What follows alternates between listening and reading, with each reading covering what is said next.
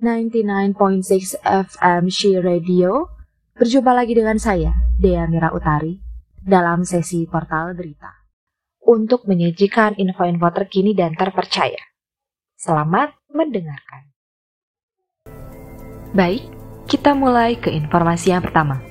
Sebagaimana dilansir dari cnnindonesia.com, Sebanyak 46 rumah warga Jalan Sabutung Lama di Makassar, Sulawesi Selatan, hancur setelah diterjang angin puting beliung disertai hujan deras pada Kamis 23 Desember 2021. Seluruh bangunan rumah warga yang rusak adalah semi permanen. Menurut data yang diterima dari Badan Penanggulangan Bencana Daerah atau BPBD Makassar, terdapat 46 rumah rusak.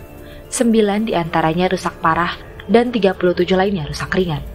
Ahmad Hendra Hakamuddin, Kepala BPBD Makassar mengatakan, peristiwa angin puting beliung yang disertai hujan deras ini mengakibatkan terjadinya kerusakan pada rumah-rumah yang berada di Jalan Sabutung Lama.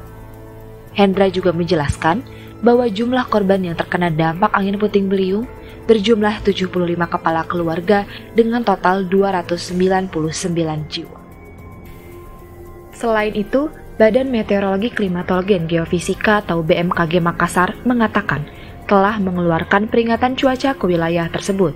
Prakirawan BMKG Makassar, Rizky Yuda mengatakan, sejak pukul 14.45 hingga 17 terjadi hujan sedang hingga lebat di seluruh Sulawesi Selatan yang disertai kilat dan angin kencang. Rizky mengatakan, dengan kondisi cuaca seperti ini, masyarakat di Sulawesi Selatan diimbau untuk waspada dan berhati-hati saat melakukan aktivitas. Demikianlah sesi portal berita edisi malam ini. Tetap di Destadi untuk ikuti berita lainnya. Saya Dea Mirautari, pamit undur diri. Selamat malam.